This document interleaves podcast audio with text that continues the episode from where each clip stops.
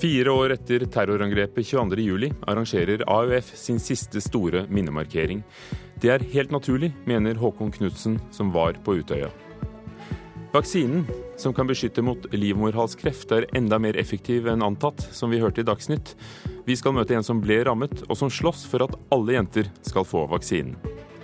I USA arbeider president Obamas folk for å overbevise Kongressen om å godta atomavtalen med Iran. Og Venstre ønsker at det skal bli lettere å få dobbelt statsborgerskap i Norge. Velkommen til Nyhetsmorgen i NRK.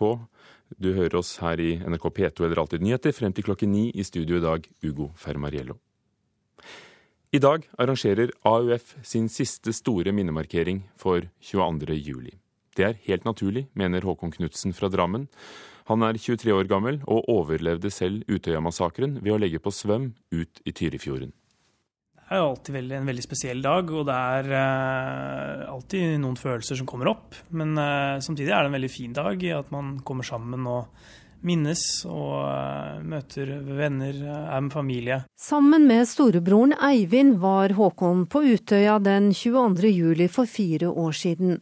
De to brødrene fra Drammen overlevde massakren. Eivind gjemte seg unna gjerningsmannen i dusjanlegget på Utøya, mens Håkon, som var 19 den gangen, la ut på svøm i Tyrifjorden og fikk hjelp. Og dette er selvsagt noe han husker godt. Jeg har mange minner av det, og det er selvfølgelig noe man har gått gjennom veldig mange ganger oppi hodet sitt. Eh, men eh, Så minnet sitter ikke sterkt som det var for fire år siden. Men eh, ting går det er lettere å tenke på det nå enn det var da, selvfølgelig. Og jeg har det veldig bra. og det er så selv om disse følelsene kommer opp igjen i dag, så er det fortsatt Eh, ikke like tøft og sterk som det selvfølgelig var for noen år siden. Altså, tiden uh, gjør noe av jobben, den også. Uh, men alltid altså er det en fin dag i dag. 22.07 vil alltid være en del av meg, og politikken er fortsatt viktig for meg, sier Håkon.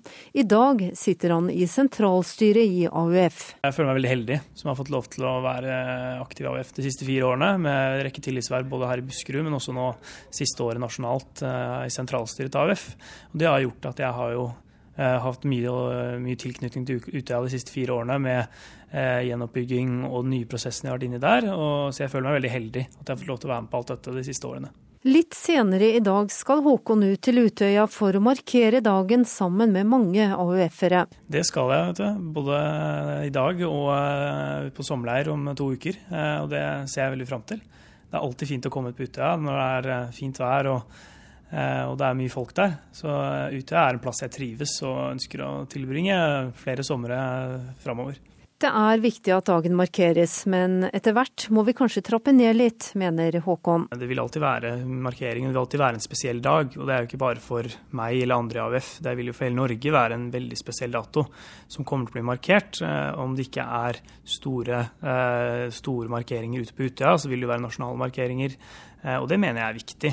Eh, er, men samtidig er det også viktig for at, eh, at, vi igjen kan komme ut på Utøya og drive med politisk arbeid og engasjement, mener jeg også er veldig viktig. Det er en del av å ta tilbake hverdagen og ta tilbake det Utøya er for så utrolig mange mennesker.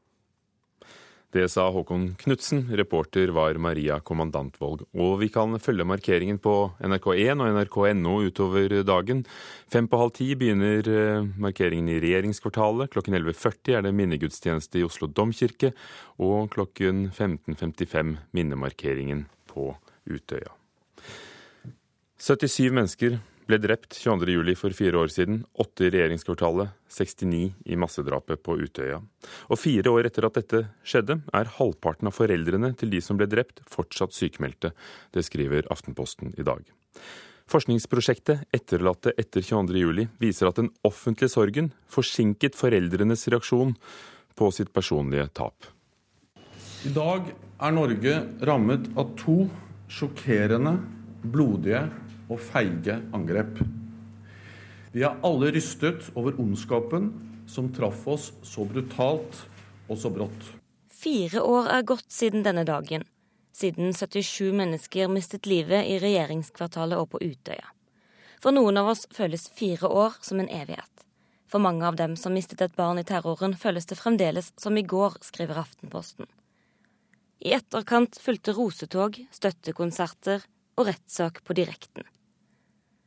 Så kom krangel om plassering av minnesmerket og riving av regjeringskvartalet.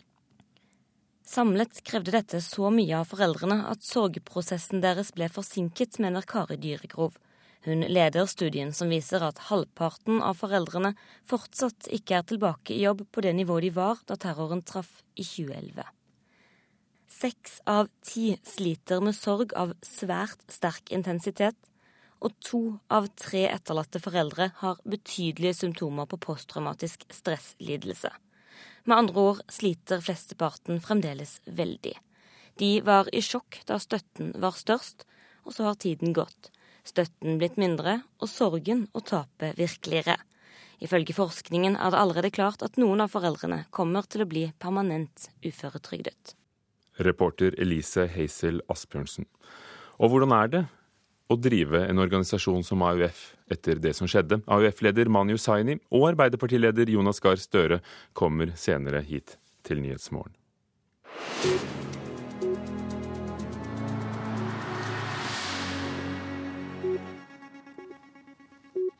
Vaksinen som beskytter kvinner mot livmorhalskreft, hjelper også mot andre sykdommer. Det viser funn fra Australia, som vaksinerer langt flere enn vi gjør i Norge. Fortsatt er det to av ti jenter som ikke får HPV-vaksinen. Det til tross for at det er bred enighet blant leger og forskere om at den fungerer godt. Her ser vi en uh, figur. Her er kalenderår. Og her er en uh, percentage av uh, kjønnsvorter. Overlege hos Kreftregisteret Mari Nygaard viser frem en graf som beveger seg nedover mot null. I Australia tok de i bruk HPV-vaksinen allerede i 2007, og det har gitt gode resultater. Jenter opptil 26 år vaksineres, og det har ført til at kjønnsvorter nesten har forsvunnet. Etter vaksinering ser man en rask nedgang av kjønnsvorter blant de aldersgruppene. Og den nedgangen fortsetter og fortsetter og fortsetter, og er nesten ikke synlig i 2011. Også hos heterofile gutter har det blitt en markant nedgang etter at jentene begynte å få vaksine. Nygaard har selv forsket på HPV-viruset og fått støtte av MSD Norge, som har utviklet vaksinen. Hun mener det ikke er noen tvil om at den virker bra. Jeg syns det er ganske kraftig bevis på at vaksinen uh, har fungert bra. Fordi kjønnsvorter får man kun av HPV-virus? Yes. Det var i 2009 HPV-vaksinen ble en del av vaksinasjonsprogrammet for jenter i 7. klasse i Norge. Fremdeles finnes det kritikere som mener bivirkningene fra vaksinen ikke er godt nok undersøkt. Sandy Lune er en av dem som er imot. Vi føler at vi ikke får nok svar. De får ikke nok informasjon for å kunne foreta et informert valg. Folk tror vi er nutcases og crazy. Men uh, vi fortsetter å stille kritiske spørsmål. Bør egentlig lære å stille kritiske spørsmål fra barndommen av. Fortsatt er det to av ti norske sjuendeklassejenter som ikke blir vaksinert. Lege ved Folkehelseinstituttet Ellen Furuseth mener alle bør få den for å hindre flest mulig tilfeller av livmorhalskreft. Utgangspunktet vårt er jo at alle foreldre gjør disse beslutningene eh, i sin omsorg for barna, og basert på den kunnskapen de har og den overbevisningen de har. Eh, men like fullt er jo vi av en annen oppfatning og mener at disse jentene da mister muligheten til beskyttelse mot livmorhalskreft, som de kunne ha fått gjennom denne vaksinen. I Norge får 300 kvinner livmorhalskreft hvert år, og 75 av disse dør av sykdommen. Folkehelseinstituttet mener det er riktig å gjøre som i Australia, å vaksinere flere for å unngå livmorhalskreft. Det antallet som får, eh, kvinner som får livmorhalskreft i Norge hvert år, eh, verken antallet eller eh, de lidelsene de gjennomgår, er bagatellmessige på ingen måte. Og vi mener at det berettiger at denne vaksinen er i programmet, helt klart. Og reporter var Randi Elise Midtskog. Jeanette Hoel, leder i Gynkreftforeningen, en forening som drives av frivillige kvinner som er eller har vært rammet av gynekologisk eh, kreft. God morgen. God morgen. Du ble rammet nettopp i 2009, da vaksinen ble tilgjengelig. Hvordan merket du det? Jeg var på jobb, og den gangen så jobbet jeg som tannhelsesekretær. Jeg hadde nylig assistert under eh, kirurgi, hvor jeg fikk eh, voldsomme blødninger i underlivet. Jeg forsto jo at da med en gang at det var noe som var alvorlig galt. Tok eh, kontakt med lege. Og for å gjøre en lang historie veldig kort, så havnet jeg til slutt på Ahus, hvor de tok prøve. Og de kontaktet meg noen dager etterpå og fortalte at det var livmorhalskreft. Så nesten et unødvendig spørsmål. Hvorfor er, mener du at det er viktig at alle jenter får denne vaksinen? Jeg mener det er viktig at uh, alle jenter skal unngå den skjebnen som jeg hadde, og ikke minst alle de andre som også blir rammet av livmorhalskreft. Uh, dessverre så mister vi flere i livmorhalskreft uh, hvert år. Det er også flere som får tilbakefall. Jeg har noen som står meg nært, som dessverre har fått det nå. Videre så ser vi at det er mange som sliter med senskader etter behandling av livmorhalskreft. Jeg personlig sliter med mye maveproblemer. Eh, jeg kan ikke få barn, og det er jo en stor sorg. Eh, videre så er det andre igjen som sliter med lymfødem, utmattelsessyndrom og ja, eh, en del yngre blir også uføretrygdet lenge før 40 år.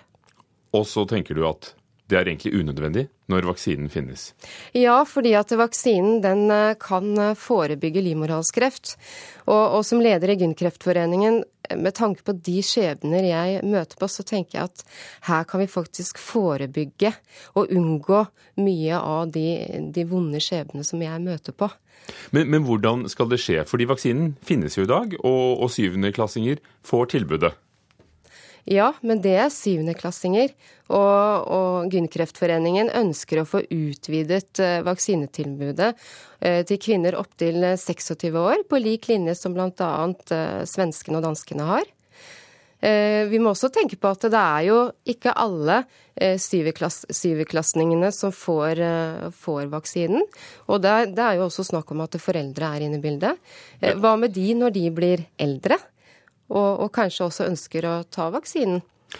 Dette er jo også da en politisk sak. Hvorfor er det ikke sånn i dag at, eh, at alle jenter får tilbud om dette i et vaksineprogram?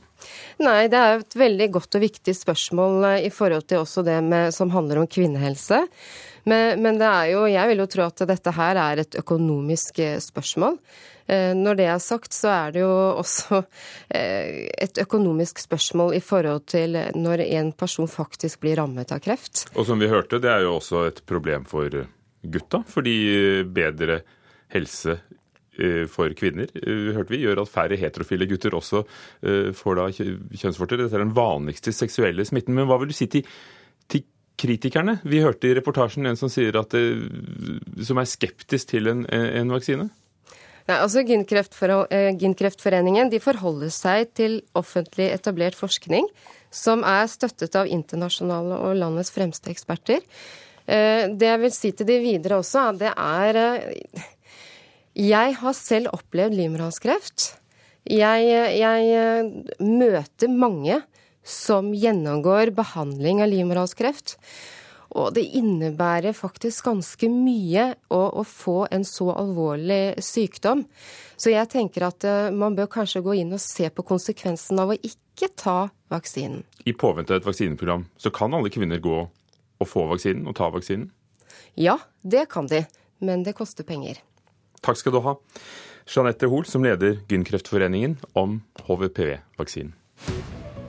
Du hører på Nyhetsmorgen i NRK. Klokken er passert 16 minutter over syv. Hovedsaken i dag. Som vi akkurat hørte, vaksinen som beskytter mot den vanligste seksuelt overførbare smitten, HPV, er mer effektivt enn antatt, men likevel blir bare to av ti jenter i Norge vaksinert. Fire år siden terrorangrepene i Oslo og på Utøya. I år arrangerer AUF sin siste store minnemarkering, og dette vil også prege programmet i dag. Det bør, bør bli enklere å få dobbelt statsborgerskap i Norge, mener Venstre. Venstre vil altså gjøre det enklere å få dobbelt statsborgerskap. I dag er det bare unntak som gjør at innvandrere med oppholdstillatelse i Norge kan søke om norsk statsborgerskap og samtidig beholde sitt gamle. Cecilie Myhre ga fra seg sitt norske pass da hun flyttet til Australia. Nå vil hun gjerne ha det tilbake. Jeg er eh, Jeg var, får jeg si, eh, norsk statsborger. Cecilie Myhre er norsk, men ikke helt så norsk som hun en gang var. Myhre sa nemlig ifra seg sitt norske statsborgerskap da hun fikk jobb i det offentlige i Australia. Etter ti år down under er hun tilbake i landet hun er født og oppvokst i men nå som australsk statsborger. Men nå i dag altså, er jeg en, en, utlending i Norge. Har søkt om, om, å få mitt norske statsborgerskap tilbake, og også for mine barn som er født i Australia. Men ønsker også samtidig å beholde mitt australske statsborgerskap. I Norge er hovedregelen at en kun kan ha ett statsborgerskap. gammeldags, mener Myhre. Jeg føler tilhørighet og lojalitet til begge land, og føler at regelverket bør reflektere det. Jeg ønsker å være demokratisk borger i begge land. Sammen med sin partner har hun skrevet flere brev til norske politikere og brukt sosiale medier for å få frem saken sin og nå blir de hørt. Venstre kommer til å foreslå at Norge skal tillate doble statsborgerskap, slik de aller fleste av våre naboland gjør. Forteller Venstres Sveinung Rotevatn. Det er viktig for integreringa, og det gir deg muligheter til å gjøre alt fra å avtjene verneplikt til å stemme valg eller spille på det norske fotballandslaget. Når du bor i Norge og vil være en del av det norske samfunnet og delta i det norske demokratiet, som Rotevatn sier, ja, så er det som norsk statsborger og ikke som statsborger i to, i to land. Mener Frps Morten Ørsal Johansen, som ikke er særlig begeistret for Venstres forslag. At de har bindinger til andre land, ja, men det kan du ha allikevel. Du kan reise til dette landet, du kan ha dine venner i dette landet. Men, eh, men er, du norsk, er, du i Norge og bor i Norge og vil være norsk statsborger, så er det nettopp det du er. Og da har du ikke noe behov for å ha et annet statsborgerskap.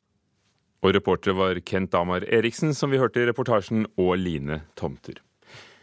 I USA gjør Obamas regjering alt den kan for å selge atomavtalen med Iran til skeptiske kongresspolitikere og til publikum. Uroen mot avtalen økte etter at Irans øverste religiøse leder i helgen lovet å fortsette å kjempe mot USA i regionen til tross for denne avtalen. Policy, it's very uh, disturbing, it's very troubling, and we'll have to wait and see. Dersom disse uttalelsene er Irans offisielle politikk, er de svært urovekkende, sier USAs utenriksminister John Kerry. I helga sa Irans øverste religiøse leder Ayatollah Ali Khamenei at Iran vil fortsette å kjempe mot USA og USAs allierte i regionen, og at han ikke vil akseptere avtalen om atomprogrammet. Uttalelsene vekker sterke reaksjoner her. I morgen skal Kerry og flere andre møte til de første høringene i Kongressen om atomavtalen. Der vil han love å følge intenst med på hva Iran sier og gjør framover. Og en omfattende prosess er i gang her for å selge avtalen til skeptiske kongresspolitikere. Republikanerne vil høyst sannsynlig stemme mot den. Men Obamas administrasjon må sørge for at et tilstrekkelig antall demokrater går inn for avtalen. En egen Facebook-side er opprettet for å forklare hva avtalen går ut på, og svare på spørsmål amerikanerne måtte ha om den.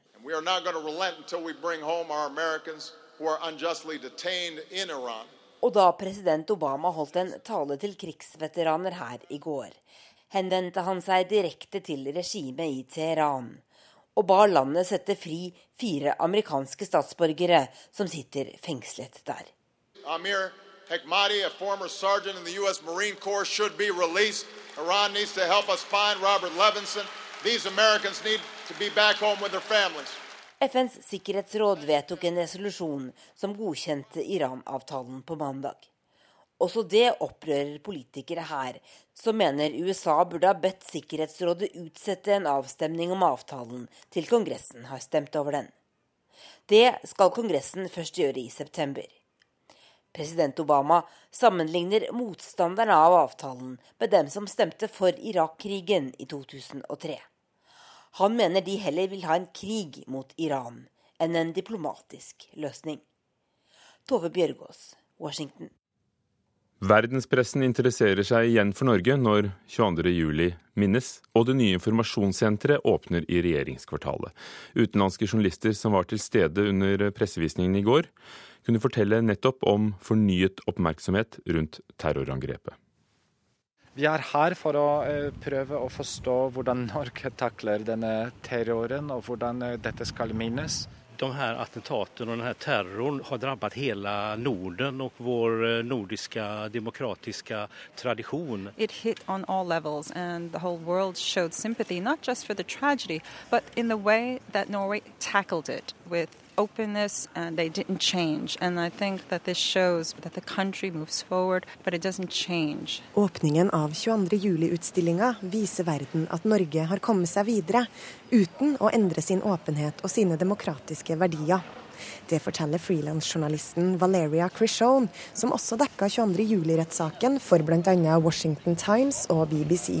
Nå opplever hun igjen etterspørsel etter stoff fra Norge. Recently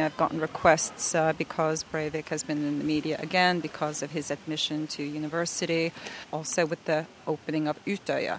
So I think this will be of I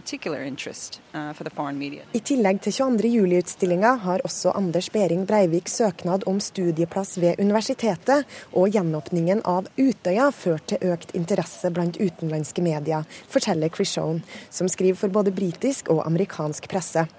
Under pressevisninga i går hadde hun også selskap av danske, tyske, polske og svenske reportere. 22.07 vekker fortsatt debatt og sterke følelser. Det sier kommunal- og moderniseringsminister Jan Tore Sanner. Det som skjedde for fire, fire år siden eh, i regjeringskvartalet og på Utøya, eh, er en av de største og mest alvorlige terroraksjonene i Europa etter, etter annen verdenskrig. Han får støtte fra generalsekretær i Norsk Presseforbund, Kjersti Løken Stavrum. Fordi 22.07 var en hendelse som hadde alt ved seg som eh, de kan identifisere seg med, og som også kunne skjedd der. Stavrum tror utenlandske journalister har kunnet gå tettere på hendelsen enn sine norske kollegaer. Til og med altså, prisbelønte bilder fra Aftonbladet eh, er langt mer nærgående enn det norske fotografer var, og enn det norske fotografier har vært. Eh, det vi ser her, er leirdeltakeres eiendeler. Det er kameraer, det er MP3-spillere og det er telefoner. Fagansvarlig for 22.07-utstillinga, Tor Einar Fageland, viser fram en monter med bl.a. mobiltelefonene til både ofre og overlevende fra Utøya. Når utstillinga åpner for publikum i dag, vil de bli møtt av sterke bilder, tekster og gjenstander fra terrorhendelsen for fire år siden. Fageland mener utstillinga er svært viktig. Viktig for kunnskap og læring. Det er aldri feil i et demokrati. Reportere var Åsta Hoem Hagen og Guro Kvalnes. Vi ser på overskriftene i avisen i dag. Fire år etter er Dagsavisens overskrift. Jeg håper Utøya kan brukes som et ledd i kampen mot ekstremisme og fascisme, sier AUFs generalsekretær Ragnhild Kaski i et stort intervju. Halvparten av foreldrene til ofrene på Utøya er fortsatt sykemeldte, skriver Aftenposten, og som vi hørte om tidligere i Nyhetsmorgen. To av tre foreldre har betydelige symptomer på posttraumatisk stress, viser ny undersøkelse. Professor Kari Dyregrov sier det var et enormt eh, støy utenfor som tok vekk fokuset fra den personlige sorgen. Drammens Tidende har intervjuet mange av de overlevende fra Utøya. Slik har ungdommene fra Utøya i dag, skriver de. Breivik-effekter opprører pårørende som besøkte 22.07-senteret i regjeringskvartalet i går, skriver Klassekampen. Dikter Frode Grytten har også skrevet et eget dikt til avisens lesere. Her er de to siste strofene. Morgensola skal kysse øya vaken. Hei, hei, på tide å stå opp og endre verda. Og så er det også andre saker i avisen i dag. Utlendinger vil investere i norske kraftlinjer, skriver Nasjonen. Flere utenlandske selskaper vil investere i strømkabler for å transportere kraft til Europa. De vil gjerne også investere i småskala vannkraft. Småkraftforeningen vil bryte opp nettmonopolet, slik at de kan selge strømmen sin. Mange bankkunder presser renten på boliglån til mot 2% og analysesjefen i Swedbank tror at boliglånsrenten skal ned til 1,99% skriver Dagens Næringsliv. Avisen skriver at det ofte er stor forskjell på bankenes offisielle renter, og hva kundene klarer å prute den ned til. Trondheim er versting når det gjelder å ta vare på pasienter med sykdommen ALS. Det hevder ALS norsk støttegruppe i Adresseavisen i dag. Avisen har intervjuet en pasient som har fått rom på et sykehjem der alle de andre pasientene har demens. Det fine rommet er mitt fengsel, sier han. VG anbefaler 50 varme reiser og gode historier til uh, turen i VGs uh, store soljakt. Dagens Næringsliv har for øvrig også et intervju med en 55-årig greker som ikke har tenkt å be om unnskyldning for at han er pensjonist, men sier 'jeg nyter livet, her er det ingen tragedie'. Tragedier har man bare i hodet. Dagbladet har intervjuet kvinnen på et av de mange sterke bildene fra bombeeksplosjonen i Oslo 22.07.2011 som bæres bort av to politibetjenter. Hun forteller, forteller om livet etter bomben.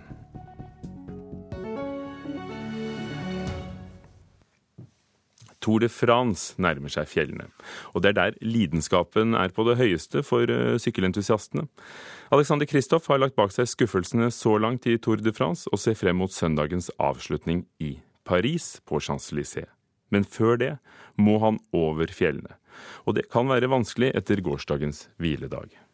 Jo, det, det er godt med hviledag, men ofte beina blir litt rare neste dagen igjen. Jeg, men heldigvis er det ikke helt bakke med en gang. Så sånn sett så kommer det i hvert fall litt varma opp litt i gang. Kom kroppen litt i gang igjen før eh, bakkene begynner. Så, så jeg ofte klatrer og sånn òg, sliter på dagen etter hviledag, og at det blir forandring i sammendraget. Og det kan fort skje. Det er ikke så lett dag. Og Kristoff har flere tøffe dager i vente, og siden det er korte etapper, kan maksimaltiden rytterne må komme i mål innenfor for ikke å bli tatt ut av rittet, bli hard å nå. Det er det som er litt problemet når det er så kort. Det blir veldig kort limit.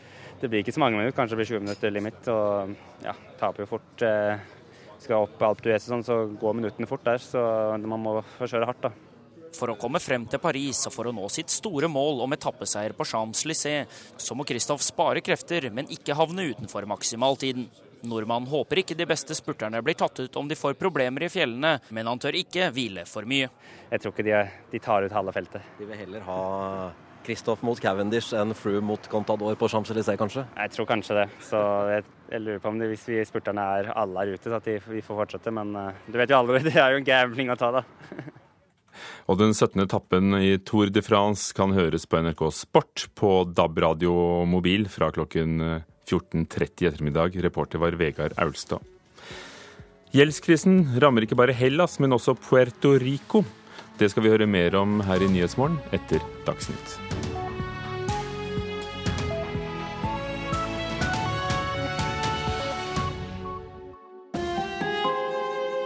Hør ekko.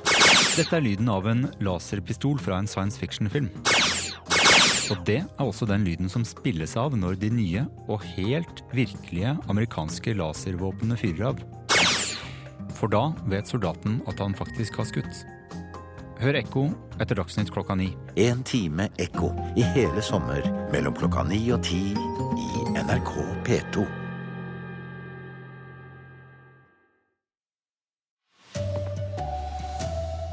Det er fire år siden terroråtaket i Oslo og på Utøya. Vaksiner mot HPV er mer effektiv enn tidligere trodd. Likevel får to av ti ikke vaksiner. Og det bør bli enklere å få dobbelt statsborgerskap i Norge, mener Venstre. Her er NRK Dagsnytt klokka 7.30. Ja, det er eh, fire år siden terroråtaket i Oslo og på Utøya. AUF skal markere dagen på Utøya, og fra neste år skal dagen bli markert i mindre omfang. Dette er helt naturlig, mener Håkon Knutsen fra Drammen. Han overlevde massakren på Utøya ved å legge på svøm i Tyrifjorden. Det er alltid veldig, en veldig spesiell dag, og det er uh, alltid noen følelser som kommer opp. Men uh, samtidig er det en veldig fin dag i at man kommer sammen og minnes og uh, møter venner, er med familie. Sammen med storebroren Eivind var Håkon på Utøya den 22. juli for fire år siden. De to brødrene fra Drammen overlevde massakren. Eivind gjemte seg unna gjerningsmannen i dusjanlegget på Utøya, mens Håkon, som var 19 den gangen, la ut på svøm i Tyrifjorden og fikk hjelp. Og dette er selvsagt noe han husker godt. Jeg har mange minner av det, og det er selvfølgelig noe man har gått gjennom veldig mange ganger oppi hodet sitt. Eh, men eh, så minnet sitter ikke sterkt som det var for fire år siden. Altså, tiden eh, gjør noe av jobben, den også. Litt senere i dag skal Håkon ut til Utøya for å markere dagen sammen med mange AUF-ere. Det skal jeg, vet du. Både i dag og på sommerleir om to uker. Og det ser jeg veldig fram til. Det er alltid fint å komme ut på Utøya når det er eh, fint vær og, eh, og det er mye folk der. Så eh, Utøya er en plass jeg trives og ønsker å tilbringe flere somre framover. Det er viktig at dagen markeres, men etter hvert må vi kanskje trappe ned litt, mener Håkon. Det vil alltid være markeringen, det vil alltid være en spesiell dag. Og det er jo ikke bare for meg eller andre i AUF, det vil jo for hele Norge være en veldig spesiell dato som kommer til å bli markert. Eh, om det ikke er store, eh, store markeringer ute på Utøya, så vil det jo være nasjonale markeringer. Eh, og det mener jeg er viktig. Uh, er, men samtidig er det også viktig for at, uh, at, vi igjen kan komme ut på Utøya og drive med politisk arbeid og engasjement, mener jeg også er veldig viktig. Det er en del av å ta tilbake hverdagen og ta tilbake det Utøya er for så utrolig mange mennesker. Reporter Maria Kommandantvold. Og 77 mennesker ble drepne 22.07. for fire år siden. Åtte av dem i bombeeksplosjonen i regjeringskvartalet, mens 69 ble drepne på Utøya. Og AUF-leder Mani Hussaini, vi hører her Håkon Knutsen, at det er greit å trappe ned eh, minnemarkeringene etter hvert. Er du sammen i det? Altså det er eh, Minnet sitter like sterkt eh, som det gjorde for fire år siden. Og vi vet at for mange er sorgen Eh, ja, eh, like sterk og fortsatt til stede, eh, hvis ikke verre. Og Derfor tenker jeg at det er fint å samles på 22. juli for å kunne gi hverandre en skulder til å gråte på, for å dele på sorgen, så kanskje det blir litt lettere. Og Så er det hva man skal gjøre videre med, med markeringene. Svaret på det er at vi kommer alltid til å markere 22. juli. Spørsmålet da blir omfang. Der tror jeg vi må ta en diskusjon med Eh, den viktigste aktøren, nemlig den nasjonale støttegruppa. Men eh, vi kommer alltid til å markere det på Utøya eh, og, og i regjeringskvartalet. Hvordan preger hendelsene AUF i dag? AUF har aldri vært sterkere og slagkraftig enn vi er nå. Terroristen prøvde å rive ned våre vakreste roser, og samtidig rive ned våre verdier og tie oss til taushet. Eh, han greide ikke det. Tvert imot. Eh, ungdom visste at eh, ingenting kan stoppe oss. Og i dag er AUF 14 000 medlemmer, som har betydelig gjennomslag i norsk politikk. AUF-leder Mani Hussaini, takk skal du ha for at du kom. Og Du kan følge markeringer på NRK1 og nrk.no utover dagen. Klokka 9.25 starter markeringer i regjeringskvartalet. Klokka 11.40 er det minnegudstjeneste i Oslo domkirke. Og klokka 15.55 minnemarkering på Utøya. Vaksiner som verner kvinner mot livmorhalskreft, hjelper også mot andre sykdommer. Det syner funn fra Australia, som vaksinerer mange flere enn det vi gjør i Norge. Fremdeles er det to av ti jenter som ikke får HPV-vaksiner. Det er trass i at det er brei semje blant leger og forskere om at den fungerer godt. Etter vaksinering ser man en rask nedgang av kjønnsvorter blant de aldersgruppene Overlege hos Kreftregisteret Mari Nygaard viser frem en graf som beveger seg nedover mot null. I Australia tok de i bruk HPV-vaksinen allerede i 2007, og det har gitt gode resultater. Jenter opptil 26 år vaksineres, og det har ført til at kjønnsvorter nesten har forsvunnet. Jeg syns det er ganske kraftig bevis på at vaksinen uh, har fungert bra. Fordi kjønnsvorter får man kun av HPV-virus? Yes. Nygaard har selv forsket på HPV-viruset og fått støtte av MSD Norge, som har utviklet vaksinen. Det var i 2009 HPV-vaksinen ble en del av vaksinasjonsprogrammet for jenter i 7. klasse i Norge. Fremdeles finnes det kritikere som mener bivirkningene fra vaksinen ikke er godt nok undersøkt. Sandy Lune er en av dem som er imot. Vi føler at vi ikke får nok svar. De får ikke nok informasjon for å kunne foreta et informert valg. Fortsatt er det to av ti norske sjuendeklassejenter som ikke blir vaksinert. Lege ved Folkehelseinstituttet Ellen Furuseth mener alle bør få den for å hindre flest mulig tilfeller av livmorhalskreft. Den har vist over 95% effekt mot de virusene som den beskytter mot på sikt så vil vi det her, mener vi vaksinen vil forhindre mange tilfeller med livmorhalskreft og mange tilfeller med dødsfall. Reporter Randi Elise Midtskog. Venstre vil gjøre det enklere å få dobbelt statsborgerskap i Norge. I dag er det bare unntak som gjør at innvandrere med oppholdsløyve kan søke om norsk statsborgerskap, og samtidig holde på sin gamle. Cecilie Myhre sa fra seg den norske statsborgerskapen da hun flytta til Australia, men nå vil hun ha den tilbake. Jeg er eh, Jeg var, får jeg si, eh, norsk statsborger. Cecilie Myhre er norsk, men ikke helt så norsk som hun en gang var. Myhre sa nemlig ifra seg sitt norske statsborgerskap da hun fikk jobb i det offentlige i Australia. Etter ti år down under er hun tilbake i landet hun er født og oppvokst i men nå som australsk statsborger. Men nå i dag altså, er jeg en, en, utlending i Norge. Har søkt om, om, å få mitt norske statsborgerskap tilbake, og også for mine barn som er født i Australia. Men ønsker også samtidig å beholde mitt australske statsborgerskap. I Norge er hovedregelen at en kun kan ha ett statsborgerskap. Gammeldags, mener Myhre. Jeg føler tilhørighet og lojalitet til begge land, og føler at regelverket bør reflektere det. Jeg ønsker å være demokratisk borger i begge land. Sammen med sin partner har hun skrevet flere brev til norske politikere og brukt sosiale medier for å få frem saken sin. Og nå blir de hørt. Venstre kommer til å foreslå at Norge skal tillate doble statsborgerskap, slik de aller fleste av våre naboland gjør. Forteller Venstres Sveinung Rotevatn. Det er viktig for integreringa, og det gir deg muligheter til å gjøre alt fra å avtjene verneplikt til å stemme valg eller spille på det norske fotballandslaget. Når du bor i Norge og vil være en del av det norske samfunnet og delta i det norske demokratiet, som Rotevatn sier, ja, så er det som norsk statsborger og ikke som statsborger i to, i to land. Mener FrPs Morten Ørsal Johansen, som ikke er særlig begeistret for Venstres forslag. At de har bindinger til andre land, ja, men det kan du ha allikevel. Du kan reise til dette landet, du kan ha dine venner i dette landet. Men, men er, du norsk, er, du i Norge og bor i Norge og vil være norsk statsborger, så er det nettopp det du er. Og da har du ikke noe behov for å ha et annet statsborgerskap. Reportere Kent Amar Eriksen og Line Tomter. Ansatte i Telemark fylkeskommune har fått grove trugsmål på e-post. Fylkeskommunen står bak et bomprosjekt i Grenland, og avsenderen ønsker at de skal brenne i helvete, og varsler hærverk mot bomstasjonene. Fylkesrådmann Evi Anni Evensen ser svært alvorlig på saka. Dette er heldigvis veldig, veldig sjelden kost hos oss. Men når det kommer sånne meldinger inn, så, så vekker det selvfølgelig sterke reaksjoner. Avsenderen skriver at han og en haug med kompiser setter av 1000 kroner hver per bom som blir satt opp, og at pengene skal brukes til systematiske hærverk. Fylkesrådmannen tar trykksmålet på alvor. Vi kan ikke regne med at man bare sier sånt og ikke mener det. Og vi har også svart tilbake til vedkommende at dette ble arkivert som et spor dersom vi i fremtida vil oppleve hærverk i forhold til de anleggene som nå blir montert.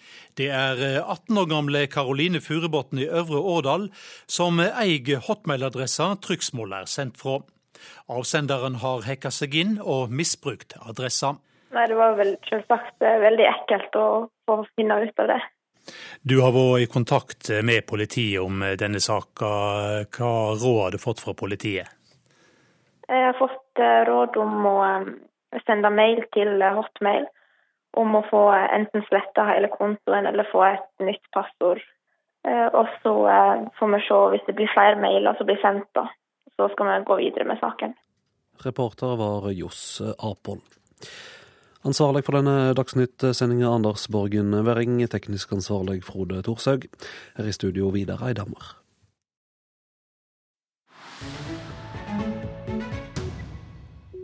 Før vi her i Nyhetsmorgen snakker mer med AUF-leder Mani Hussaini og møter Arbeiderpartileder Jonas Gahr Støre, skal vi utenriks. Med en foreløpig plan for Hellas-krisen i havn følte tydeligvis Tysklands finansminister Wolfgang Schäuble at han kunne koste på seg en aldri så liten Hellas-vits på en konferanse i München sist torsdag. For EU er ikke de eneste som har en gjeldskrise å hanskes med. Også Puerto Rico burde få et tilbud. Jeg har disse dager meinem Freund Jack Lew angeboten, dass wir Puerto Rico in die Eurozone übernehmen könnten, wenn die USA Griechenland in die Dollarunion übernehmen würden. Jeg sa til min amerikanske kollega Jack Lew at vi kunne gjerne ta Puerto Rico inn i eurosonen, hvis USA kunne ta Hellas inn i dollarunionen. De lo både i Frankfurt og i Washington. De ler ikke i Puerto Ricos hovedstad San Juan. Puerto Rico necesita, y te propongo hoy, un plan de reestructuración y desarrollo completo, comprensivo, abarcador. Puerto Rico trenger en fullstendig og omfattende restrukturering av gjelden. Vi har ingen mulighet til å betale tilbake statsgjelden på 72 milliarder dollar, vel 577 milliarder kroner, fortalte guvernør Alejandro Garcia Padilla folket sitt i en fjernsynstale for noen uker siden. Siden har puertorikanske myndigheter møtt kreditorene sine uten å kunne legge fram en troverdig plan om økonomiske reformer i bytte mot utsatt betalingstid. Amerikanerne har fått sin egen Hellas-krise. Den karibiske øygruppen Puerto Rico er en selvstyrt amerikansk koloni. De fire millioner menneskene som bor der, er amerikanske statsborgere. Barack Obama er deres president, og de bruker amerikanske dollar. Ikke så rart derfor at guvernøren ber om hjelp fra Washington. En momento de que le reclamemos a Washington acción concreta en una sola voz, acción a Washington ahora. Tiden er inne for et samlet Puerto Rico og kreve konkret handling fra Washington, sier guvernøren. De må gjennomføre endringer i den delen av konkursloven som gjelder offentlige enheter, slik at Puerto Rico får den samme beskyttelsen som andre har fått. som fortidens bilmekka Detroit. Men svaret fra Washington er nedslående. There's no one uh, in the administration or in DC that's contemplating a federal bailout uh, of Puerto Rico. Det er ingen her i Washington som vurderer en statlig redningspakke for Puerto Rico, slår talsperson Josh Ernest i Det hvite hus fast. Rico, my heart's devotion, let it sink back in the ocean. Mer enn 50 år etter at filmen West Side Story skildret puertoricanernes dragning mot USA, har øygruppens elendige økonomi ført til en ny topp i innvandringen til fastlandet. Den største økningen har vært i Florida, der det nå bor over én million puertoricanere.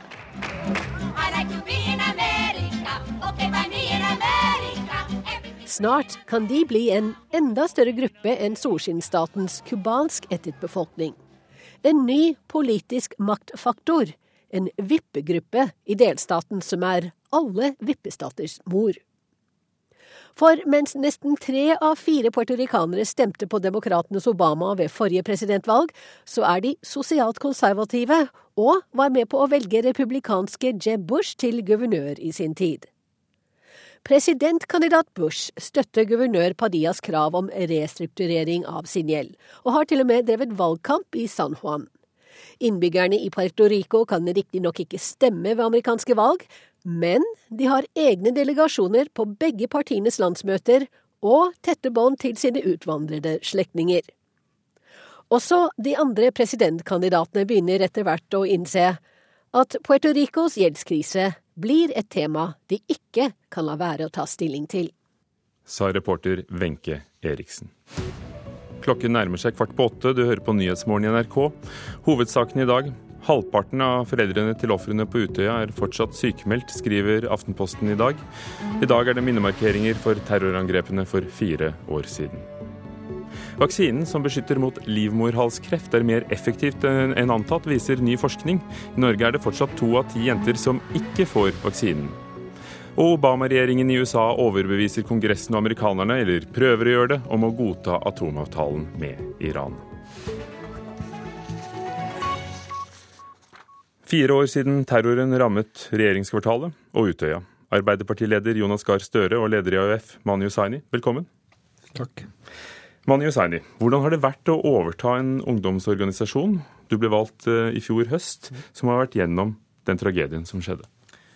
Det er klart at det var tøft for AUF i dagene og ukene og i månedene eh, etter 22.07.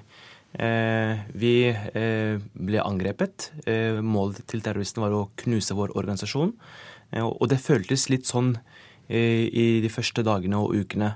Men vi opplevde en enorm støtte, en enorm tilslutning. Fikk mange nye medlemmer. Og i dag er AUF sterkere enn noen gang. Vi har eh, eh, politisk gjennomslagskraft. Eh, og det, eh, våre verdier og idealer lever eh, i beste velgående. Og dere har fått mange nye medlemmer siden 2011. Hvordan snakker dere om det som skjedde? Det er klart at 22.07 er en viktig del av vår felles historie. Den dag vi, vi aldri skal glemme. Den dag vi skal minnes og hedre de 77 som vi mista. Som døde i kampen for de idealene som vi jobber for hver eneste dag. Uh, og det kommer det til å fortsette å være. 22.07 kommer til å være en mørk dag i vår historie. Uh, en dag hvor vi uh, møter hverandre, deler på sorgen, deler på smerten og savnet. Det skal dere gjøre i dag. I dag også. Jonas Gahr Støre, leder i Arbeiderpartiet. Er det viktig at AUF tar tilbake Utøya? I år er det leir der. Det kom opp uh, samme helgen for fire år siden. Det er tema. Uh, og jeg mener jo at AUF har uh, gått en veldig klok vei. Tatt tid. Vi har hatt to leire som har vært på den andre siden av Tyrifjorden de siste to årene. Og nå er beslutningen om å komme tilbake. Og jeg har vært og besøkt Utøya slik den nå tar form, og det blir jo på mange måter et nytt Utøya vi møter. Eh, med nye bygninger og et nytt uttrykk. Og det gir iallfall meg en veldig følelse av at det er den unge generasjonen som setter en kurs for framtiden og viser at det er den viljen som skal prege det stedet og, og, de som er der. Så jeg mener det er et modig valg, og det er et eh, riktig valg. Oppleves ikke riktig for alle. Det har vært veldig grundig konsultert, og jeg har stor respekt for måten det er gjort på. Hvilke motsetninger har dere hatt i AUF i forhold til å ta tilbake Utøya? Altså For AUF var det et klart mål at eh, vi skulle ta tilbake Utøya fra første dagen. Og det mener jeg vi har gjort. Ingen har tatt fra oss øya vår. Fra, fra, fra og med den 23. juli 2011 har Utøya vært vår. Eh, og så har diskusjonene gått ut på hva skal det nye Utøya være. Og Der har vi vært eh, heftige diskusjoner, men veldig gode diskusjoner også, med det felles målet om at Utøya skal være et sted hvor vi minnes og hedrer de som vi mista, hvor vi lærer om de idealene som var under angrep den dagen, men, altså, men også at det skal være et sted eh, for politisk engasjement og ungdomsleir. Eh, og det, Den prosessen har vi da brukt fire år på. I 2012 sa AUF at eh, nå skal vi arrangere sommerleir. Da fikk vi beskjed fra den nasjonale støttegruppa om at kanskje, ta, kanskje, det er lurt å ta, ta seg en toårs pause. Det gjorde vi. Og i samråd med dem har vi nå laget det som skal være det nye Utøya. Hvordan preger 22.07.2011 deg i dag, Støre? Veldig sterkt, egentlig. Eh, og på litt nye måter, for det synker jo inn. Eh, jeg møter jo eh, stadig de som bærer den største sorgen, og de som altså lever med sår, og de som har tapt. Og det kommer jo til å være med oss hele livet, egentlig. Og så får vi litt sånn dybde i å forstå hva dette fenomenet var. Som Mani sier, et angrep, et politisk attentat mot en, en bevegelse ved å ramme ungdommen. Det kunne vi formulere i juli 2011, men, men nå har, vi, har, det på en måte sunket inn. Og vi har hatt mange store debatter i Norge. Det andre som, som gjør inntrykk på meg, er jo at dette er jo ikke et fenomen som kom og gikk. Eh, det vi opplevde 22.07, er det faktisk eh, land som opplever ukentlig. Altså terror, vilkårlig drap av sivile, politisk motivert vold. Eh, senest nå var det i Tyrkia for noen dager siden. En bilbombe som drepte mange, mange, mange mennesker. Eh, og deres smerte er jo den samme som den eh, vi har eh, opplevd. Og så opplever vi jo nå som leder av Arbeiderpartiet at det er en, en, stor politisk organisasjon som har dette med i hele landet. Det er ikke en, nesten én kommune som er uberørt. Så når du reiser rundt, så møter du dette som en del av vår fortelling, vår historie, vår identitet. Og det skal vi ta veldig godt vare på. Hvor mye er det partiets sorg, ditt partis sorg, og hvor mye er det landets sorg? Ja, Det mener jeg glir litt over hverandre. Og som Mani sier, at den støtten som alle som ble rammet fikk, ga jo en veldig opplevelse av at du levde i et land, i et fellesskap. At det var uh, skillelinjer som da bare ble satt til side uh, fordi folk kom uh, til hverandre. Og så har de skillelinjene selvfølgelig kommet tilbake som det skal i et demokrati. Men jeg opplever alle steder jeg kommer at det er en respekt for de som ble rammet av 22.07. AUF er jo blitt satt på en prøve. Lederen i AUF, Eskil som har gått av, og Mani som har gått på, og de som har ledet AUF, har jo blitt satt på en prøve som vi ønsker ingen skal bli satt på. Men jeg mener fortsatt, og skal si i dag, at AUF har vist oss hva det vil si å opptre voksent. Det har de klart, eh, og jeg er, eh, tror det blir anerkjent i hele landet på tvers av, eh, av politikk. Mani Hussaini, opplever du at det er en levende debatt om de holdningene som lå bak den politiske terroren?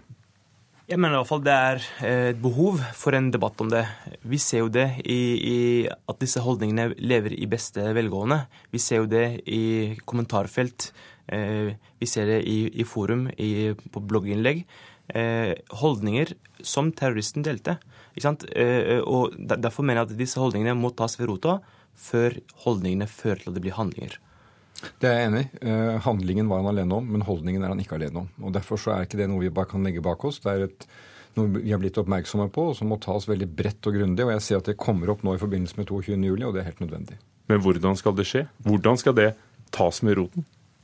Måten det skal gjøres på, er at uh, man ikke skal la en eneste uh, konspirasjon, en, en, feilaktig teori, en fordom gå fritt. Eller bare ja, ja, men de folka er bare gale.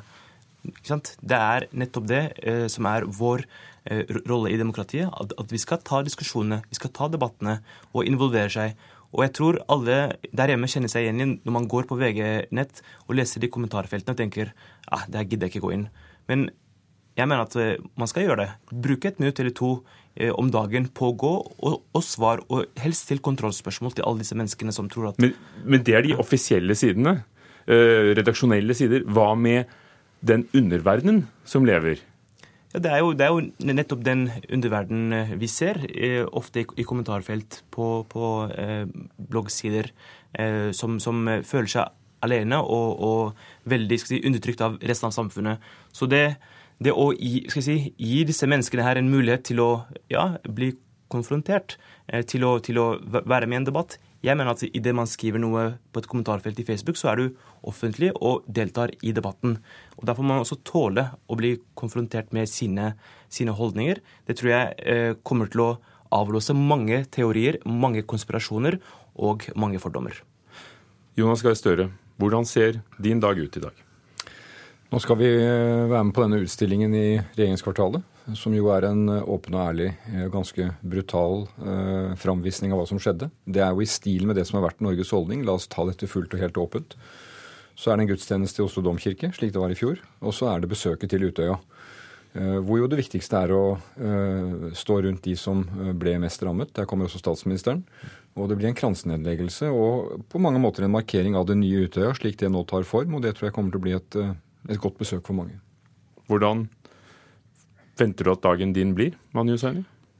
Det er klart at det er eh, både en vond og god dag. Eh, vond eh, for alle de følelsene, alle de minnene, alle det savnet som kommer opp igjen. Eh, men også god fordi ja, man møter mennesker, eh, og man har noen å dele sorgen med. Kanskje gir en skulder til å gråte på. Jeg tror i hvert fall sorgen bør aldri sørges alene, men at man gjør det i fellesskap. Takk skal dere ha, Mani Hussaini, AUF-leder, Jonas Gahr Støre, leder av Arbeiderpartiet. Vi skal møte en Arbeiderpartipolitiker til.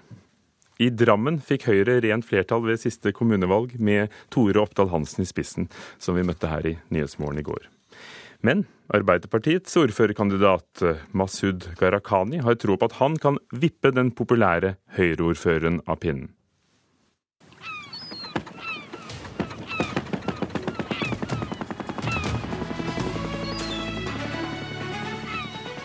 Politisk sommerintervju i Nyhetsmorgen.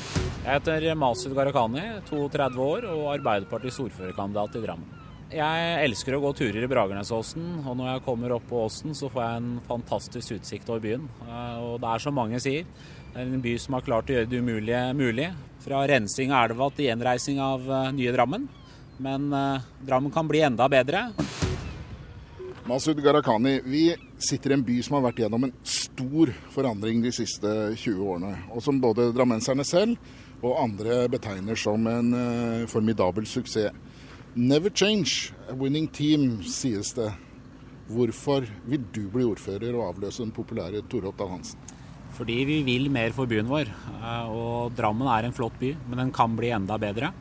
Eh, vi ønsker å gjøre Drammen til en grønnere by. Få slutt på kø, kaos og dårlig byluft. Eh, vi ønsker en ny boligpolitikk i byen, at det skal være en viktig byutviklingssatsing. Slik at byen vår blir attraktiv for småbarnsfamilier. For når de kommer til byen, så klarer vi også å skape arbeidsplasser. Og ikke minst så skal vi ta vare på byens eldre, som har skapt dette fantastiske landet vårt. Så vi vil bygge 100 nye omsorgsplasser de neste fire årene. Nå er den sittende ordføreren veldig populær. Drammenserne er tydeligvis fornøyd med det som har foregått. Høyre fikk rent flertall ved forrige valg. Er det en elendighetsbeskrivelse du eh, kommer med? Så har du vært eh, ordfører i tolv år, så er du et eh, kjent navn. Og det er jo sånn at selv om dagens ordfører har klipt mange snorer for de byutviklingsprosjektene som nå har blitt realisert, så er det jo under Arbeiderpartiets tid at planleggingen for mange av disse prosjektene kom på plass. Men vi vil mer for byen vår, og jeg mener at vi har den mest spennende valglista. Du sier at eh, du må få byutviklingen inn på et nytt og mer moderne eh, spor. Er ikke det ganske frekt når du tenker på at denne byen eh, blir valfartet av folk fra fjern og nær som skal se hva Drammen har fått til? Jeg er veldig stolt av den byutviklingen vi har fått til, og der har vi stått tverrpolitisk sammen om mye. Men et av områdene hvor vi har ulike syn, er på boligpolitikken. For det vi ser, er at det bygges mye leilighetsblokker sentrumsnært. Veldig for målgruppen 50 pluss. Jeg ønsker at Drammen skal bli attraktiv for småbarnsfamilier. At kommunen er på banen, bygger flere og rimeligere familieboliger som rekkehus. For den nye trenden er jo at tiltrekker du deg småbarnsfamilier, så klarer du også å skape arbeidsplasser. Fordi bedriftene flytter der hodene er. Og for meg så er det viktig at Drammen blir en by hvor du både bor og jobber og skaper gode verdier. Vi sitter altså ganske nær en helt spesiell gate i Drammen. Her er bybildet preget av mange innvandrerbutikker. Og denne byen har den største innvandrerandelen etter Oslo. Over hver fjerde innbygger er, eh, har innvandrerbakgrunn. Navnet ditt røper jo at eh, du eh, kanskje også har en annen bakgrunn enn etnisk norske. Altså, jeg kom til Norge sammen med familien min da jeg var liten. I dag så er det Norge som er landet mitt og Drammen er byen min. Men jeg har med meg en del erfaring i bagasjen som vil være viktig for en by som har 27% andel innvandrere. Eh, noe av det som er viktig for meg, er å få fram at arbeidslinja er viktig. De har vært grunnlaget for at vi har skapt dette fantastiske velferdssamfunnet. Derfor må vi få fram det at også innvandrerkvinner må ut i arbeidslivet. De fleste politiske partiene her i byen er enig i akkurat det du, du, sier. Spørsmålet er hvordan? Når det gjelder arbeidslinjen, så mener jeg at uh, hvis jeg blir ordfører, så kommer jeg til å være en tydelig stemme overfor innvandrermiljøene på det. Vi må ha tettere oppfølging uh, både gjennom introduksjonsprogrammet og de familiene vi har sett er utenfor arbeidslivet. For det vi ofte ser i Drammen også, er jo at mange av de familiene som sliter med fattigdom, er eninntektsfamilier hvor kvinnene er hjemme. Det må vi gjøre noe med. Og så er det sånn at uh, Drammen var en av de første storbyene som fikk gratis kjernetid for tre-, fire- og femåringer. Nettopp pga. at Arbeiderpartiet satset på det. Men du er ganske fort og raskt å ta æren for uh, dette med f.eks. gratis barnehage. Med dette har det vært uh, ganske stor enighet, og Høyre har gått inn for dette? Vel, altså, Virkeligheten er jo følgende. Det er jo at Årsaken til at Drammen kan gjøre det, er jo at vi var første storby som fikk gratis kjernetid for tre-, fire- og femåringer på bydelen Fjell. Og det, De pengene kom fra den rød-grønne regjeringen. Og på det tidspunktet så var det faktisk sånn at Frp var imot det. Og heller ikke Høyre prioriterte det i sine alternative statsbudsjetter. Eh, Drammen fikk de pengene, og det har gitt grunnlag for at vi nå kan gi gratis barnehage til de som har lav inntekt. Det sa Arbeiderpartiets ordførerkandidat i Drammen, Masud Gharahkhani, intervjuet av Raymond Dalen. I vår serie med politiske intervjuer før høstens kommunevalg. Vi anbefaler sommerlitteratur i neste time i Nyhetsmorgen. Annet engelsk historie og filosofiske essays.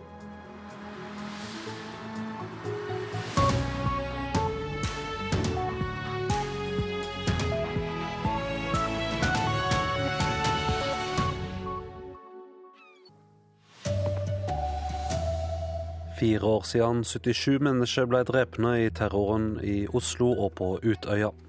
Politiet tror noen prøvde å tenne på Bergen domkirke i natt. Her er NRK Dagsnytt klokka åtte. Fire år etter terroråtaket 22.07 åpner AUF Utøya sommerleir igjen. AUF-leder Mani Hussaini sier at 22.07 alltid vil være med AUF-ere i framtida, og de vil minne ofre på denne dagen. Og vi vet at For mange er sorgen like sterk og fortsatt til stede, hvis ikke verre. Og Derfor tenker jeg at det er fint å samles på 22.07 for å kunne gi hverandre skulder til å gråte på, for å dele på sorgen, så kanskje det blir litt lettere. Og Så er det hva man skal gjøre videre med, med markeringene. Svaret på det er at vi kommer alltid til å markere 22.07. Spørsmålet da blir omfang. Der tror jeg vi må ta en diskusjon med den viktigste aktøren, nemlig den nasjonale støttegruppa. Men vi kommer alltid til å markere det på Utøya og i regjeringskvartalet. Politiet i Bergen tror noen prøvde å tenne på domkirka i byen i natt. Nødetatene ble varsla av en brannalarm ved ett-tida og kom raskt til staden. Det var både røyk og flammer da de kom fram, sier operasjonsleder i Hordaland politidistrikt, Jan Tore Heggholmen. Det var en liten brann på baksiden ved et inngangsparti. Så det vi har gjort nå er at vi har lett etter en mulig brannstifter. Vi ser alvorlig på saken og ønsker tips fra publikum dersom det har vært folk i området så kan ha sett noe. Bergen domkirke er ei langkirke i stein fra 1150. Den fikk mindre sotskader i hendinga. Vaksiner som verner kvinner mot livmorhalskreft, hjelper også mot andre sykdommer. Det syner funn fra Australia, som vaksinerer mange flere enn det vi gjør i Norge. Jeanette Hoel, leder i Gynkreftforeninga, sier at skadene ved å få kreften er store. Eh, dessverre så mister vi flere i livmorhalskreft eh, hvert år. Eh, det er også flere som får tilbakefall.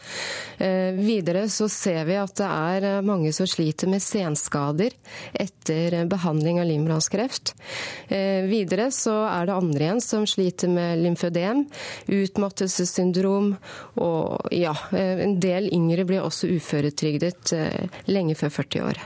Folkehelseinstituttet rår alle jenter til å ta vaksiner. Flyselskapet SAS har vunnet tilbudskonkurransen om å fly innsatte fra Norge til Nederland i høst. Prislappen er ikke kjent.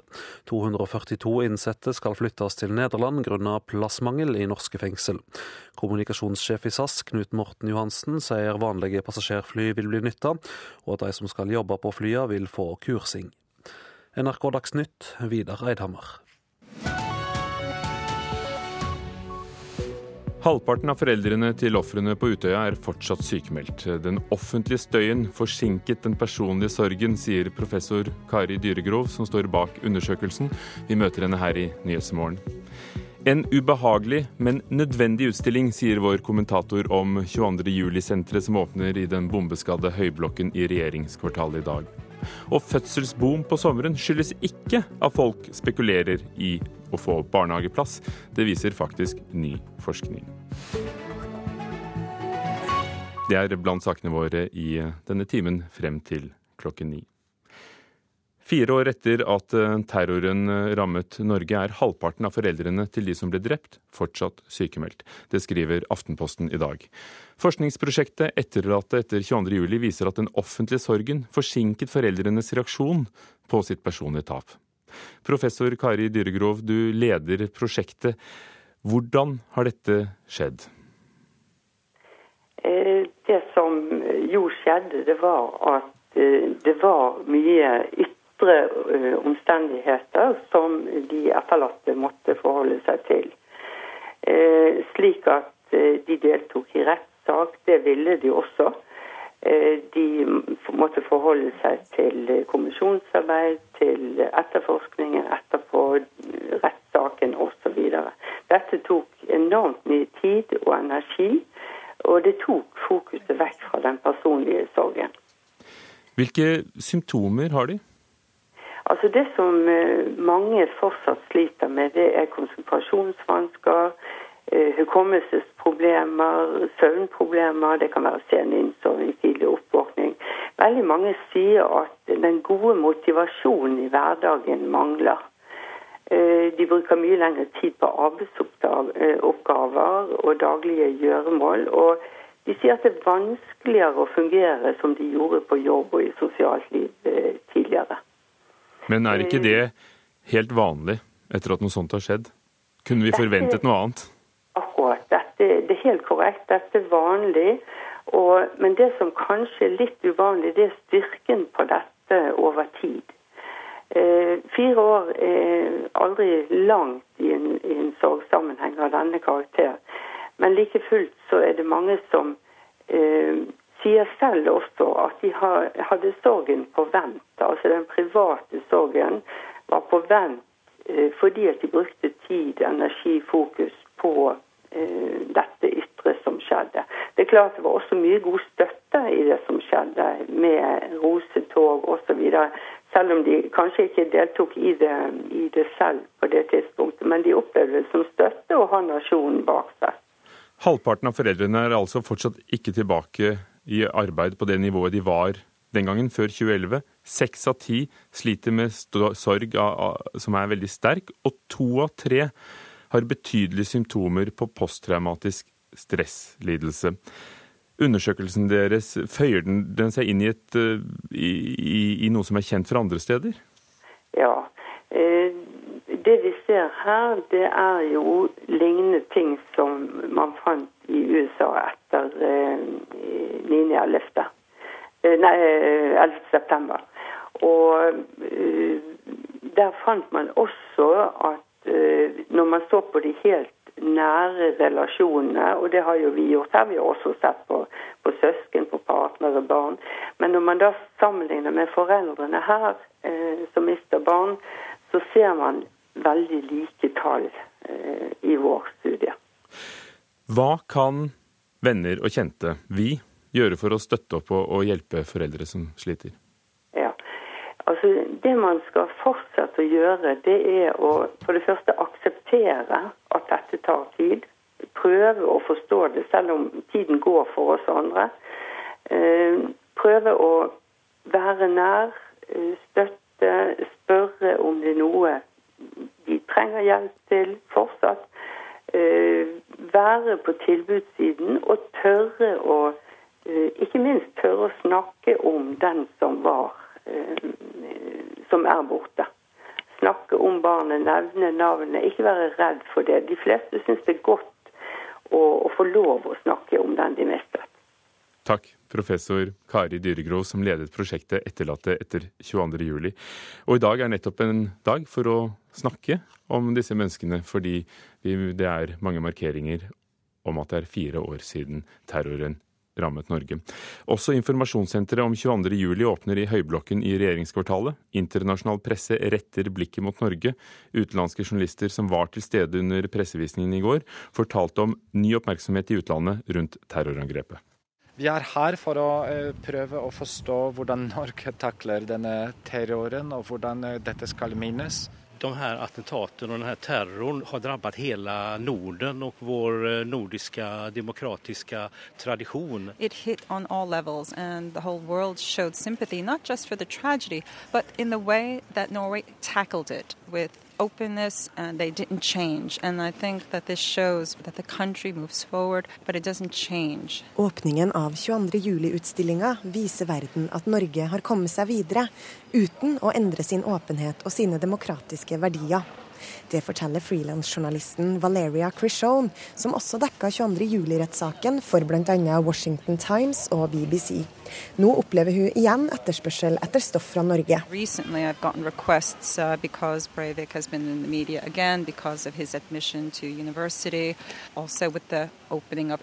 uh. So I think this will be of I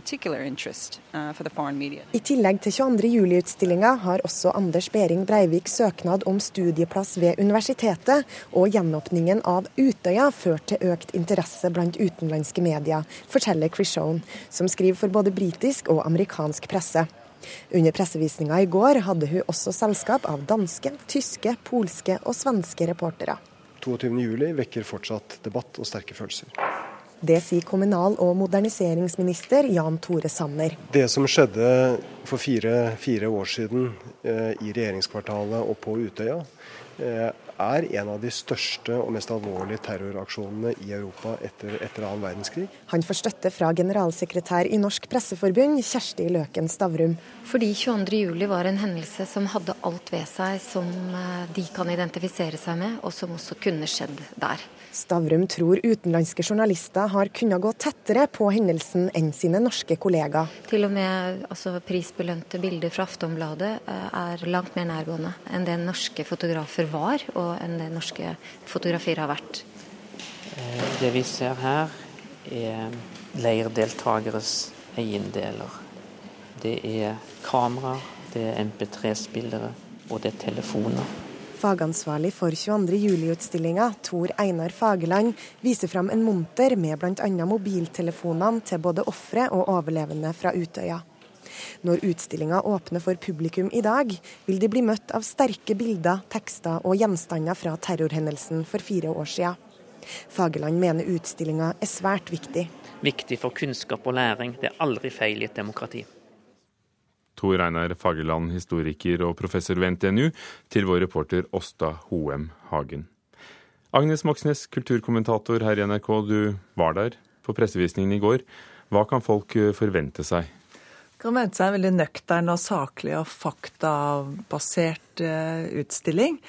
Fotografier, noen filmopptak av vitneberetninger bl.a. Og så er det en 17 meter lang tidslinje på den ene veggen som viser nesten fra minutt til minutt hva som skjedde den 22. juli. Men sammen så danner altså da denne egentlig stillferdige utstillingen en, en helt nådeløs beretning om hva et terrorangrep egentlig er. Vi hørte utenlandske journalister som dekker begivenheten, men hvor stor interesse er det utenfor Norge for 22. juli? Det er stor interesse, og det er nok flere grunner til det. Og en av de grunnene ser man på nettopp på denne tidslinjen. For der er det veldig mange Twitter-meldinger som kommer inn bare i minuttene etter at eksplosjonen skjer i, i Oslo på ettermiddagen denne fredagen. Og et av de, flere av de meldingene kommer jo fra utlandet, og, og mange av dem sier hva? Norge?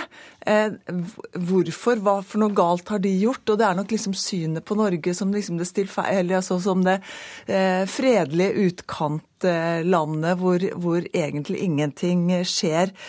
Eh, så det er nok med på å forklare interessen. Men så er det jo skikkelsen Anders Behring Breivik, selvfølgelig. En, en ny Quisling og den hvite, veloppdragne, stillferdige gutten fra dette rike landet som vender seg mot alle de verdiene som han selv mener at han forsvarer. Og så er det, som vi hørte i denne reportasjen, også selvfølgelig synet på måten Norge reagerte på, med roser, med sang og politikere som fortsatt snakker om mer åpenhet og, og, og, mer demokrati.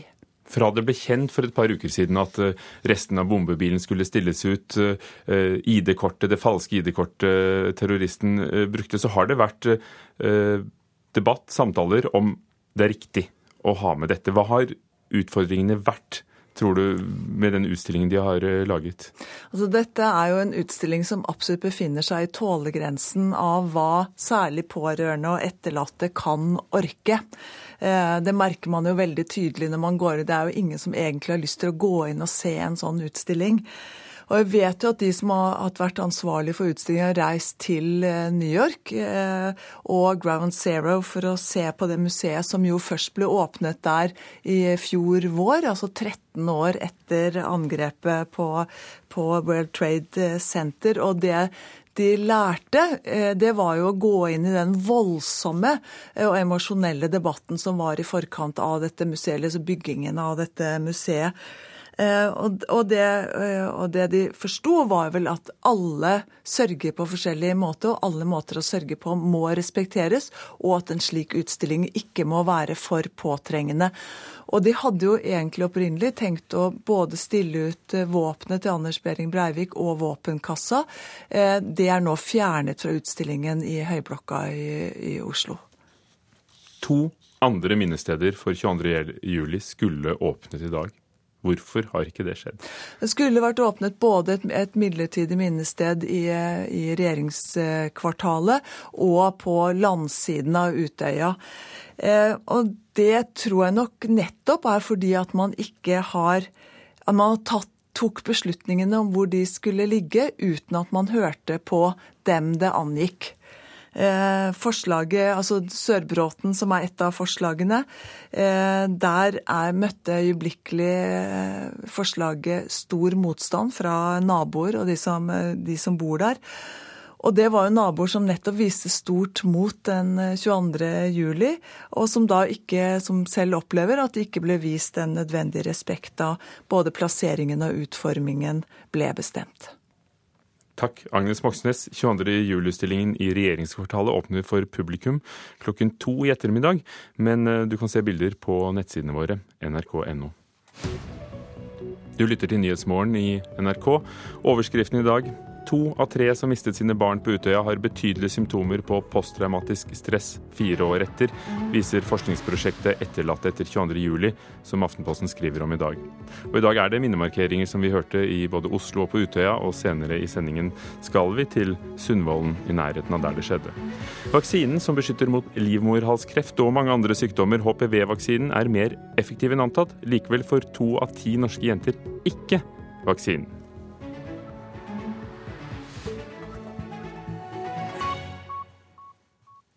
Det skal handle om fødselsboom.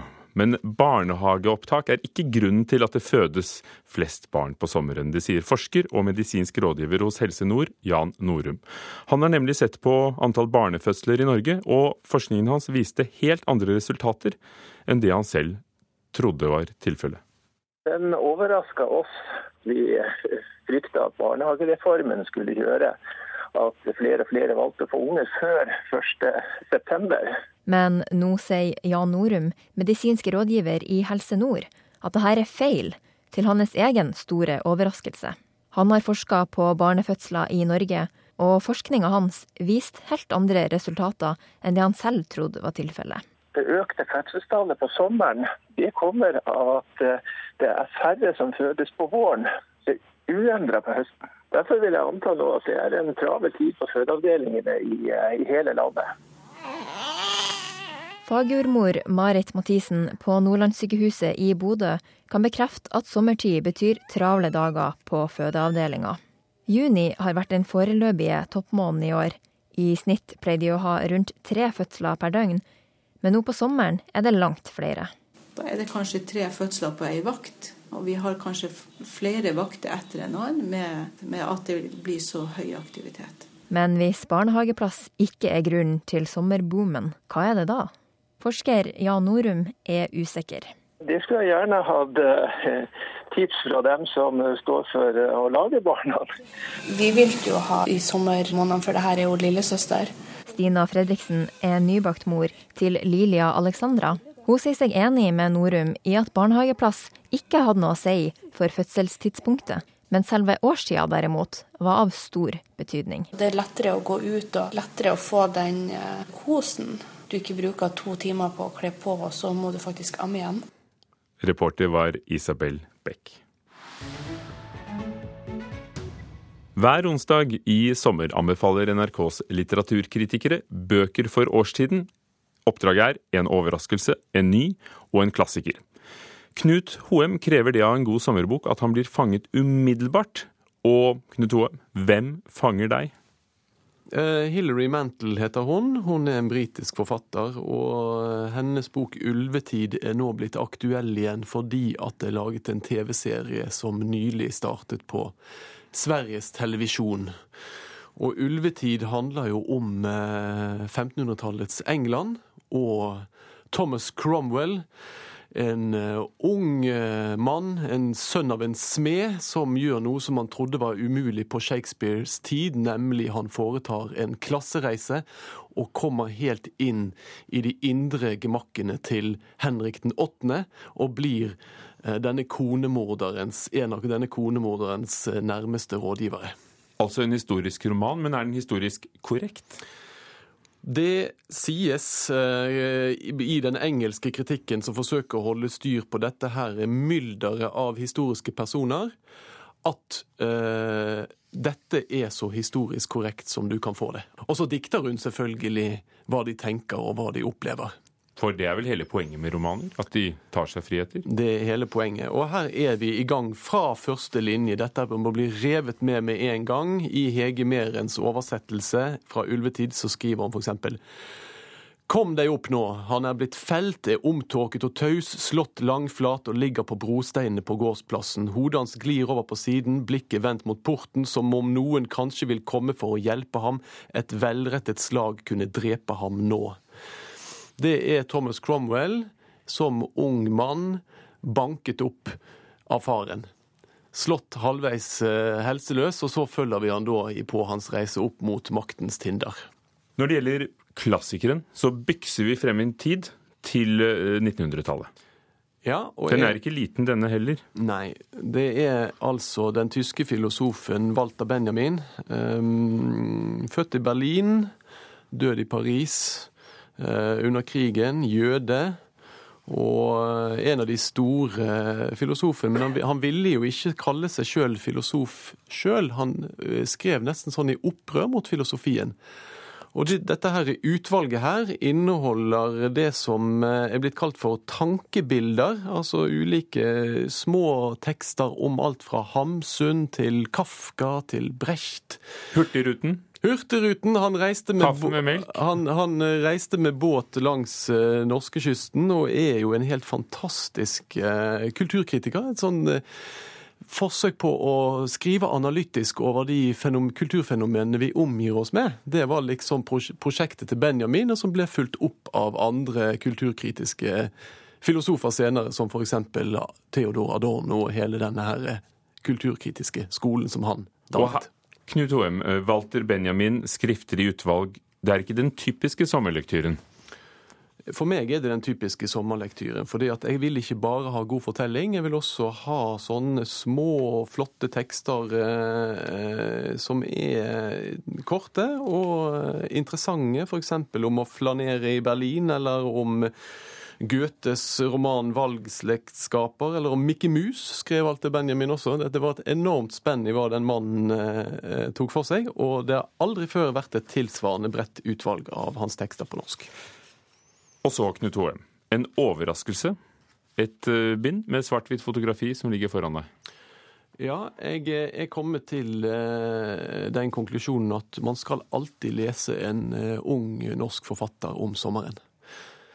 For det at det Hilary Mantel og Benjamin ikke kan levere, det er jo en følelse av erfaring som er skapt her hvor vi bor, i dette landet. For å få til det, så må man ha norsk litteratur.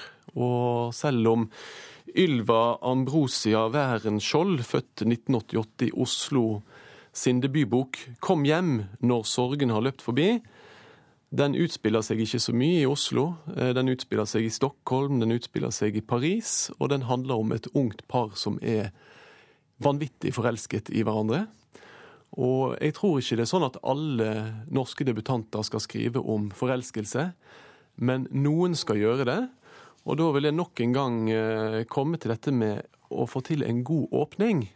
Og Ylva Ambrosia Wærenskiold, hun skriver jeg er yngre, rundere i ansiktet, med en forestilling om at alt skal oppleves. Jeg reiser kun med håndbagasje, står en dag i en bokhandel i Stockholm, og du er ung. Går litt underlig, har en fiolinkasse på ryggen, du har tynne fingre som blar i bok etter bok i hyllen. Så dette er den unge kvinnens blikk på mannen. Det er jo skrevet veldig mange bøker der vi får det mannlige blikket på kvinnen, men her er det den andre veien. Og så er det med en blenderåpning som er veldig tett. Det er disse to, eh, og det holder ganske lenge. Og som alle debutantverk så er det jo ikke perfekt. Man må tåle å akseptere at en sånt nybegynnerverk som det er, ikke er perfekt. Men det er, den energien der, den bør man oppleve. Skrevet av Ylva Ambrosia Wærenskjold, og tittelen er Kom hjem når sorgen har løpt forbi. Takk, Knut Hoem, for at du kom med dine tre sommerbøker. Og her i Nyhetsmorgen går vi over til å se på noen av forsidene på dagens aviser. Fire år etter, skriver Dagsavisen. Jeg håper Utøya kan brukes som et ledd i kampen mot ekstremisme og fascisme, sier AUFs generalsekretær Ragnhild Kaski i et stort portrettintervju. Som vi også har hørt her i Nyhetsmorgen, halvparten av foreldrene til ofrene på Utøya er fortsatt sykemeldte, er overskriften i Aftenposten og Bergens Tidende. To av tre foreldre har betydelige symptomer på posttraumatisk stress, viser den nye undersøkelsen som professor Kari Dyregrov har ledet. Hun sier det store støyen utenfor tok bort fokuset fra det personlige tapet. Slik har ungdommene fra Utøya det i dag, skriver Drammens Tidende, som har intervjuet mange av de overlevende i forkant av minnemarkeringene i dag. Breivik-effekter opprører pårørende som besøkte 22.07-senteret i regjeringskvartalet da de fikk eh, adgang i går, skriver Klassekampen. Og Klassekampen har også fått dikter Frode Grytten til å skrive et eget dikt til avisens lesere, som de trykker på lederplass. Og her kommer de to siste strofene. Morgensola skal kysse øya vaken. Hei, hei, på tide å stå opp og endre verden. Avisene har også andre saker på forsidene sine i dag. Utlendinger vil investere i norske kraftlinjer, skriver Nasjonen. Flere utenlandske selskaper vil eh, kjøpe strømkabler for å transportere kraft til Europa. Og de vil også investere i norske små vannkraftverk. Småkraftforeningen vil bryte opp nettmonopolet for at de kan selge strømmen sin.